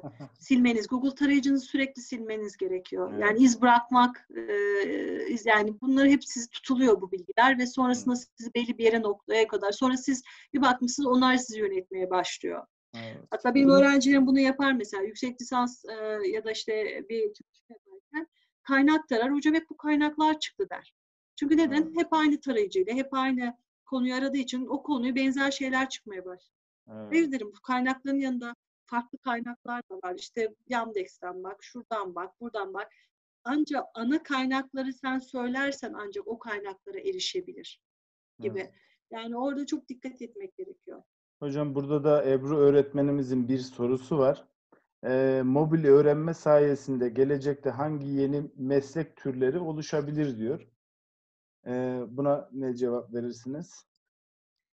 Eee, mobil öğrenme sayesinde eee, meslek türleri olarak mobil uygulama tasarımı zaten çok etkili. Mobil eee, öğrenme okur yazarlığı, özellikle bu uygulamalar, uygulamaların eee, iş yani uygulamalara yöne- yönelik eee, mesela hiç eee, yani tam olarak yok yani böyle uygulamaları analiz etmiş de onun üzerinde hangi uygulama daha efektif, eee, etkilidir öğrenme için, bankacılık için, Ha, sektör bazlı.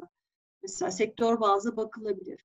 Sonrasında özellikle bu nesnelerin interneti dediğimiz işte bu e, akıllı saat, e, işte telefon, e, bu tarz e, giyilebilir teknolojiler de şimdi hayatımıza girmeye başladı.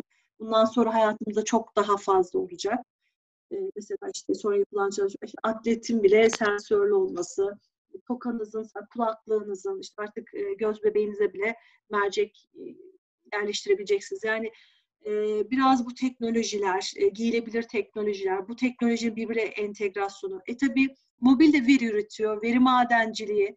Şimdi Evet. tabii biz e, suspected yani e, şey öneri geliştiriyor, tahminleme modelleri de geliştiriyoruz. Yani bir yandan mesela öğrenenlere yönelik öğrenenler nereye tıklar?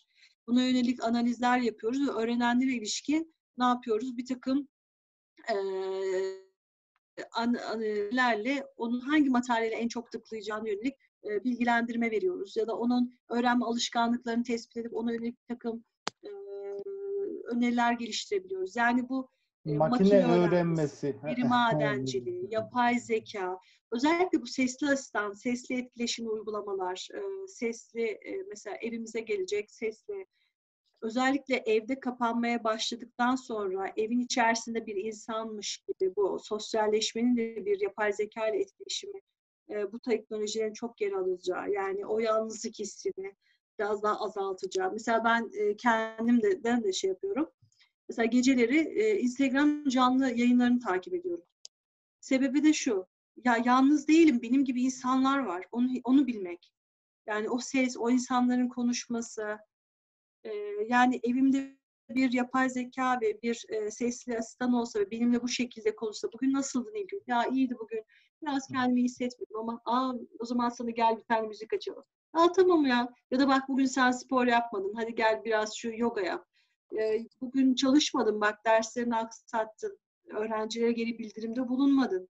Düşünsenize böyle bir insan olsa sen gerçekmiş gibi hissedersiniz. Yani size hayatınızı kolaylaştırırsa, size yol mentorluk yapsa, şu bilgiyi oku bak yeni bir dergide yayın çıktı bak bu sayıya bakmadın. Evet. Yapay zeka Evet. hocam geçen Aynen. gün ben bununla ilgili bir şey okumuştum. Eee, takvim uygulaması yapmışlar. Daha önceki etkinliklere katılan arkadaşlara da bahsetmiştim. Eee, tabii muhtemelen bir iş insanı olmak gerekiyor bu uygulamayı kullanabilmek için. Eee, bir arkadaşı yemeğe çıkmayı davet ettiğinde uygulamaya soruyor. soruyor. Hani ben ne zaman uygunum, ne zaman yemeğe çıkabilirim diye. Takvim uygulaması bir yapay zeka altyapısına sahip mesajlarını, e-postalarını sürekli olarak kontrol edip ona en uygun olan saati söylüyor mesela. Evet. Ya, yapay zeka çok hayatımıza girecek. Onunla emin Evet. olabilirsiniz. Yani e, ben mesela e, arkadaşlarım da biliyor. Ben e, mesela camları siliyorum. E, cam gittim robot aldım cam silme robotu. Sensörlü bir sistem ve camı mesela hiç yana sağa sola kaymıyor, düşmüyor. Tanıyor siniri. Evet. Camı siliyor yani. Şimdi bu e, pandemiyle birlikte bu tarz akıllı e, işte sistemler evimizin içerisine e, girecek. İşte Evet. telefonumuzdaki uygulamalardan tutun da e, birçok cihaz girecek yani. Evet. Bu noktada da eee, bu MEB'in hizmet içi eğitimlerindeki eee Kotlin ve Flutter uygulamalarıyla Android geliştirmeye katılan muhtemelen on binlerce öğretmenimiz olacak bizim. Eee, ben öğretmenlerimizden ve bizim eğitim camiamızdan bu noktada büyük girişimlerin olacağını öngörüyorum önümüzdeki günlerde. Bakalım nasıl uygulamalar çıkacak, ne çıkacak aslında. Hep yazılım mühendislerinden eee, bizim hayatımıza uygulamalar konuluyor. Iı, Alın bunu kullanın Hmm. deniliyor ama bakalım öğretmenler nasıl bir Özellikle oluşturacak. evet web'i e, yani bu sanal sınıf geliştirme uygulamaları var şu anda. Evet. Özellikle TÜBİTAK kendi sanal sınıfını oluştu. Yani e, webinar teknolojilerini yapmış. Yani biz mesela onu kullandık. Ba- Başarılı yani. Milli Eğitim de sanıyorum yaptı. Ee, Bu teknoloji öğrenme yönetim sistemleri geliştiriyor her her üniversite. Kendi e- öğrenme yönetim sistemini geliştiriyor. Mesela bizim üniversite kendi öğrenme yönetim sistemini geliştirdi. Bunlar iyi şeyler. Yani bunları yurt dışında bağımlı kalmaktansa kendimiz geliştirelim. Kendi ihtiyaçlarımız olsun, uygulamalar olsun, ücretsiz kullanalım. E, Bunlar güzel şeyler. Tabii yenilikçi e, uygulamalar da geliştirilebilir tabii. Evet. Ahmet Can Köse öğretmenimiz diyor ki eee, akademik yayınlar dışında eee, bize tavsiye edeceğiniz, okumamızı istediğiniz kitaplar var mı diyor hocam. Yani kitaptan ziyade biz genelde bloglar takip ediyoruz. Yani tabii Türkiye'den bloglar var mı bilmiyorum ama mesela hmm, önceden tabii şeydi ama yani genellikle İngilizce e, kaynaklar e, önerebilirim. Mesela ne olabilir? Ee, E- E-learning e, Guild dediğimiz yani e-öğrenme rehberi diye bir şey var. Educase diye bir yapı var. Ee, bu mobil öğrenme e, çalışmaları, konsorsiyumları var. O direkt mobil öğrenme toplulukları olarak girilebilir. Ee, yani daha çok İngilizce. Türkiye'de e, mobil teknolojiler üzerine mi yoksa mobil öğrenme üzerine mi? Yani genel olarak sormuş muhtemelen hocamız fark etmez diyor. Ha, yani özellikle e, şey e, yani Coursera gibi, UDEX gibi yerlerde eğitimleri alsınlar. Çünkü farklı üniversitelerin kaynakları var orada. E, Türkiye'de de bizim üniversitenin e, mobil öğrenme üzerine değil ama yani var mı bilmiyorum açıkçası da böyle dijital dönüşüm, e, işte bu e, web araçlarının kullanımına yönelik e, Akadema diye bir sistemimiz var. Akademadan eğitimler alabilirler. Ücretsiz sertifika da veriyorlar üniversite. E, Açık Öğretim Anadolu Üniversitesi. Alabilirler. Hocam bir de Recep hocamızın bir soru var, sorusu var. Onu da atlamayalım. Arada e, görmedim. Mobil teknolojide yerlileşme güvenlik açısından e, güvenliği diyor daha iyi noktaya getirir mi? Yerlileşme, yerli üretim e, noktasında güvenliği daha Güvenlik. iyi bir noktaya getirmiş olur muyuz diyor. hmm. Ben, ben bir şey söylemek istiyorum hocam izniniz olursa eğer. Şimdi biz e, yazılım sektöründe tamamen dışa bağlıyız. Yani biz e, üretim yapamıyoruz. Bizim önümüze konulan araç, gereç, e, geliştirme araçlarının hepsi yabancılar tarafından yapılıp bizim önümüze konuluyor. Sadece üretim, yazılım üretimi konusunda biz e, bir şeyler yapmaya çalışıyoruz.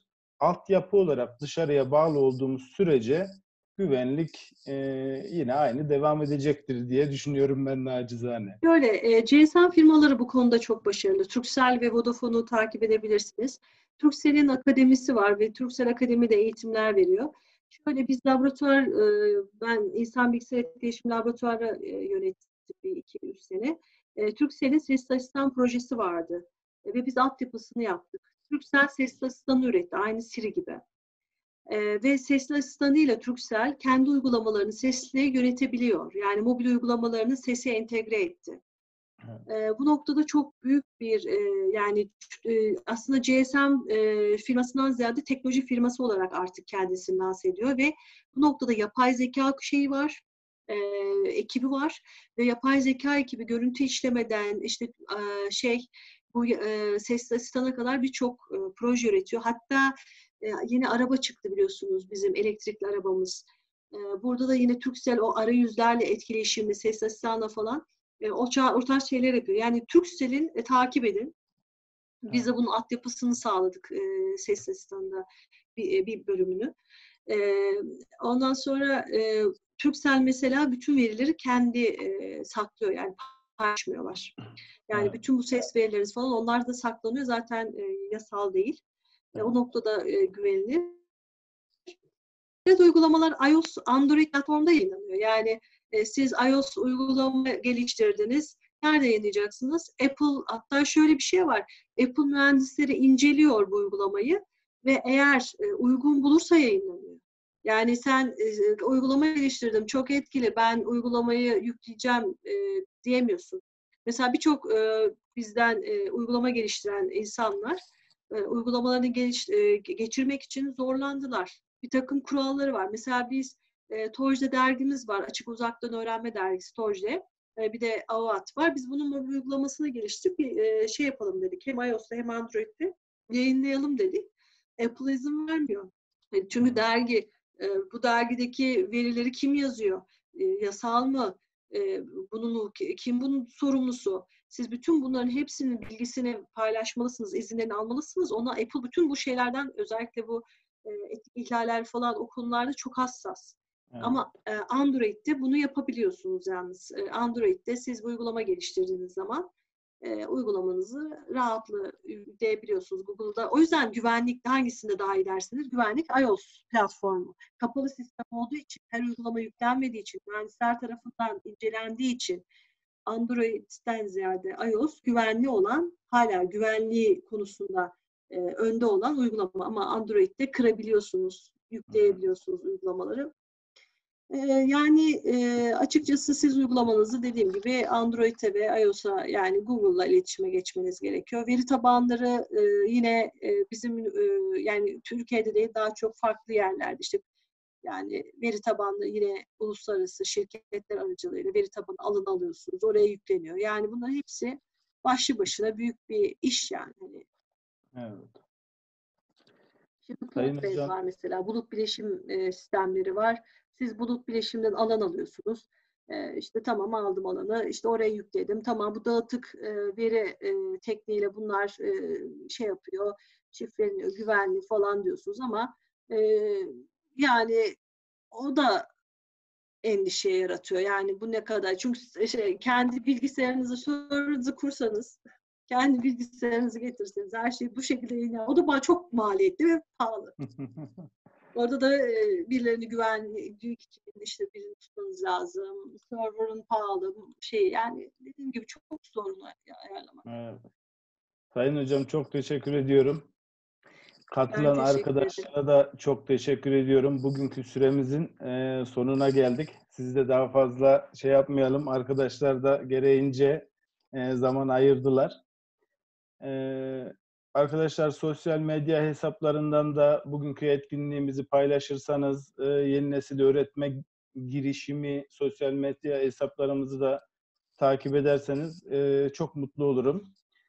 E, zaman ayırdığınız için, etkinliğimize katıldığınız için e, siz değerli öğretmen arkadaşlarıma ve yönetici arkadaşlarıma, e, Sayın Hocam Nilgün Özdamar'a çok teşekkür ediyorum. Ben teşekkür ediyorum. Sağ olun davet ettiğiniz için. Herkese iyi akşamlar. Biz İyi teşekkür ederiz. akşamlar. hocam. Sağ olun. Hoşçakalın. Etkinliği sonlandırıyorum.